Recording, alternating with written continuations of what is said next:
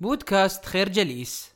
في كتاب لأنك الله يأخذنا المؤلف علي بن جابر الفيفي في رحلة إلى السماء السابعة لنتأمل في بعض أسماء الله الحسنى حيث أن فيها بابا إيمانيا عظيما. يدخل من خلاله الإنسان إلى عالم قدسي يجعل النفس تسجد لله إجلالا وتقديرا والقلب يتبتل خشوعا وحبا. فيرى الكاتب أن تعلق القلب بالله ومراقبته وعلمه به وحبه ورجائه وخوفه هو سر السعادة في الدنيا والآخرة، وأن كل الأحزان والهموم والوساوس والكروب ستنتهي إذا ما قام الإنسان بتوجيه قلبه وعقله إلى خالقه ورازقه. أول أسماء الله الحسنى العظيمة التي عرضها الكاتب هو اسم الصمد، حيث جاء ذكره في سورة الإخلاص، والتي تعادل ثلث القرآن الكريم، فالصمد هو من تصمد إليه الخلائق، أي تلجأ إليه، والمقصود الرغائب والمستغاث به عند المصائب. وهذا الاسم بالغ الهيبة قوي الحروف شامخ المعنى وقليل الورد والذكر وذو جلالة خاصة. فعندما يغلبك الضعف وتحاصرك الحاجة وتداهمك الخطوب فأنت في هذه الحالات تحتاج إلى أن تصمد إليه. فهذا الاسم يمدك بالقوة التي تحتاجها لكي تواجه الحياة بكل شموخ وعزيمة. ففي كل لحظة من لحظات حياتك أنت بحاجة إليه. فإن لم ترجع له اختيارا رجعت له اضطرارا. فالمزارع الذي تأخر عليه الحصاد وشح ما لديه من ماء يقول يا الله. وركاب الطائرة إذا سمعوا قائد الطائرة يخبرهم بتقلبات ومطبات جوية قادمة مما يزعزع فكرة الموت لديهم طمأنة الحياة تجدهم يقولون يا الله. وإذا دخل لديك عزيز المستشفى لإجراء عملية جراحية خطيرة تجدك تقول وبلا تفكير يا الله. وفي قصة قال الخليفة لابن عمر وهو يطوف حول الكعبة سلني يا ابن عمر. فنظر إليه بشموخ الصامت إلى الله وقال من أمر الدنيا أم الآخرة؟ فقال أما الآخرة فلله ولكن من شؤون الدنيا. فقال ابن عمر لم أسأل الدنيا من يملكها فكيف أسألها لمن لا يملكها؟ اللهم اصمت قلوبنا إليك واجعلنا لا نطلب غيرك ولا نسأل سواك ولا نستغيث بأحد من خلقك يا الله. الفكرة لا يستطيع العالم كله أن يمسك بسوء لم يرده الله ولا يستطيع العالم كله أن يدفع عنك سوء قدره الله. في الدنيا تمر بك لحظات تشعر فيها بأن حياتك أو حياة أبنائك أو أحبائك في خطر فقد يكون هذا نتاج من مرض متفشي في البلاد أو حالة من عدم الاستقرار الأمني أو حتى من حادث عرضي في السيارة أو الطائرة. في تلك اللحظات تشعر بأن الزمن يتوقف وتشعر بأنه قد أحيط بك كما أن الحياة تصبح صعبة ومريرة ولكن هنا يتجلى واحد من أعظم أسماء الله الحسنى وهو الحفيظ. فاعلم أنه قد آن الأوان لتجد إيمانك بهذا الاسم وتتفكر وتتأمل به.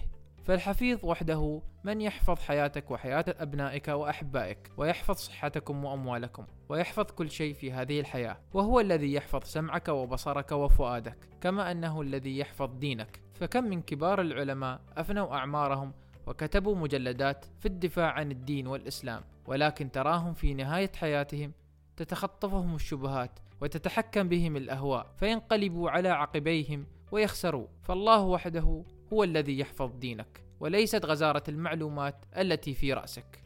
ومن القصص التي عايشناها في هذا الصياغ حادثة محاولة اغتيال الشيخ عائض القرني في الفلبين حيث قام المسلح بإطلاق ست طلقات نارية من مسافة متر تقريبا إلى صدر الشيخ عائض بدون حائل أو مانع وبدون أي مقاومة تذكر منه ومن مرافقيه. ثم يخرج الشيخ من هذه المحاولة سليما ومعافى ويتجلى كذلك اسم الحفيظ في قصة الشيخ عبد الرحمن الصميط رحمه الله الذي سافر إلى أفريقيا للدعوة ونشر الدين فخاض فيها في الغابات والمستنقعات والوديان الموحشة وجاع وعطش ومرض ولكنه من ذلك لم يمسه سوء بل ظل لأكثر من 25 عاما في هذا المجال حيث أسلم على يده الملايين من البشر ثم يعود عبد الرحمن إلى الكويت ويموت على الفراش.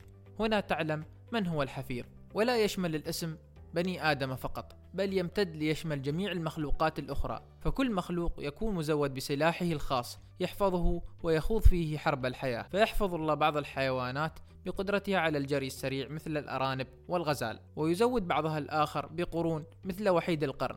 كما يسلح آخرين بضخامة الجثة كالفيل والدب ويحفظ غيرهم بسموم تكمن في أجسادهم كالعقارب والثعابين. هذا الشيء من حفظه وما لا نعلمه من حفظه عز وجل أعظم وأكثر وأكبر.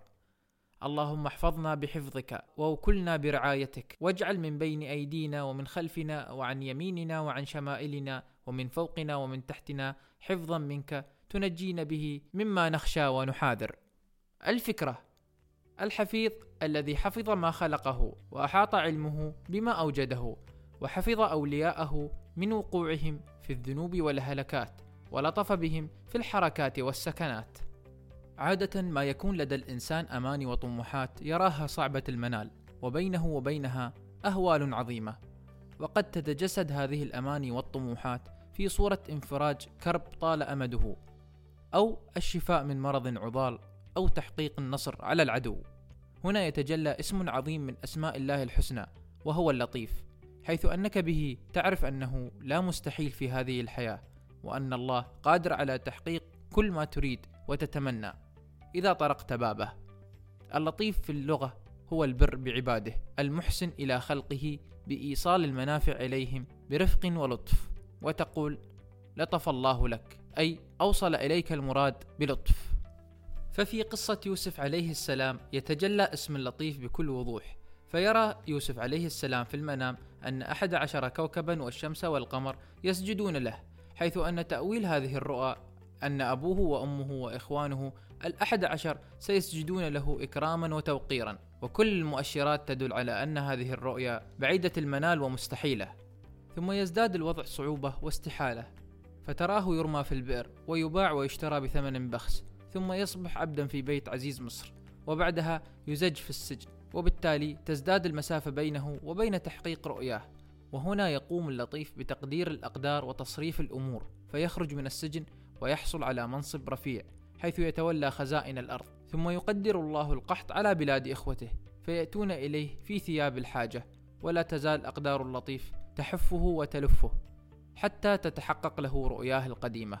فيعجب يوسف من سجود والديه وإخوته فيقول يا أبت هذا تأويل رؤياي من قبل. قد جعلها ربي حقا. وفي النهاية إن رب إن ربي لطيف لما يشاء. إنه هو العليم الحكيم. نعم إنه اللطيف الذي إذا أراد شيئا هيأ كامل الظروف والأسباب بكل لطف وخفاء. وقد قال علي بن أبي طالب رضي الله عنه عن اللطيف وكم لله من لطف خفي يدق خفاه عن فهم الذكي وكم يسر أتى من بعد عسر ففرج كربة القلب الشجي. وكم أمر تساء به صباحا فتأتيك المسرة في العشي. إذا ضاقت بك الأحوال يوما فثق بالواحد الفرد العلي. اللهم يا لطيف ألطف بنا والطف لنا وقدر لنا من ألطافك الرحيمة. ما تقوم به عوج نفوسنا وتهدي به ضال قلوبنا وتجمل به شعث حياتنا. الفكرة إذا أراد اللطيف أن يصرف عنك السوء جعلك لا ترى السوء أو جعل السوء لا يعرف لك طريقا أو جعلكما تلتقيان وتنصرفان عن بعضكما وما مسك منه شيء هل أنت ممن أتعبته الذنوب والمعاصي والخطايا وشعرت بأن شؤمها ينغص عليك حياتك وأيامك ولياليك؟ فأصبحت لا تشعر بلذة الصلاة والصيام والدعاء وأي عبادة أخرى. إذا كنت من هذه الفئة فقد آن الأوان لتجدد إيمانك بواحد من أعظم أسماء الله الحسنى وهو الغفور.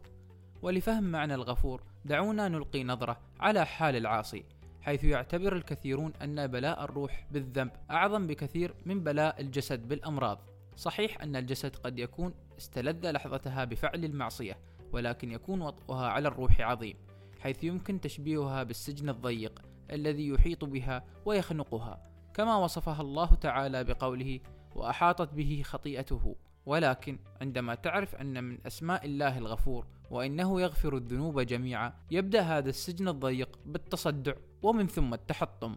وفي السيرة النبوية العطرة هناك الكثير من الأمثلة الشامخة التي تجسد صفة الغفران. فعمر بن الخطاب رضي الله عنه كان في بداية ظهور الإسلام من أشد المعادين له وكان يفتن المسلمين عن دينهم ويضرب خدمه ممن أسلموا بالصوت. وكان المسلمون يقولون أن إسلام حمار الخطاب أقرب إلى المعقول من إسلام عمر وذلك من شدة عداوته للإسلام. ولكن تتغير الأحوال ويفتح باب الغفران والتوبة ليصبح عمر الفاروق ثاني الخلفاء الراشدين رضي الله عنهم وأرضاهم. ويفتح الله على يديه أقطارا عديدة وينتشر فيها الإسلام وكذلك خالد بن الوليد الذي كان له الدور الأكبر في قلب الموازين في معركة أحد. حيث يصعد على جبل الرماة ليقضي على من تبقى من الصحابة وبذلك تشتد المعركة على الرسول صلى الله عليه وسلم وأصحابه. فيجرح ويشج رأسه الكريم وتكسر رباعيته وتدخل حلقة في وجهه الشريف ثم تتبدل الأحوال ويطلب المغفرة من الرحمن ليصبح هذا الرجل سيف الله المسلول. اللهم اغفر ذنوبنا كلها دقها وجلها أولها وآخرها واجعلنا ممن يجدون في صحائفهم استغفارا كثيرا. الفكرة. يقول الله تعالى قل يا عبادي الذين أسرفوا على أنفسهم لا تقنطوا من رحمة الله إن الله يغفر الذنوب جميعا إنه هو الغفور الرحيم. نشكركم على حسن استماعكم. تابعونا على مواقع التواصل الاجتماعي لخير جليس. كما يسرنا الاستماع لآرائكم واقتراحاتكم. ونسعد باشتراككم في البودكاست.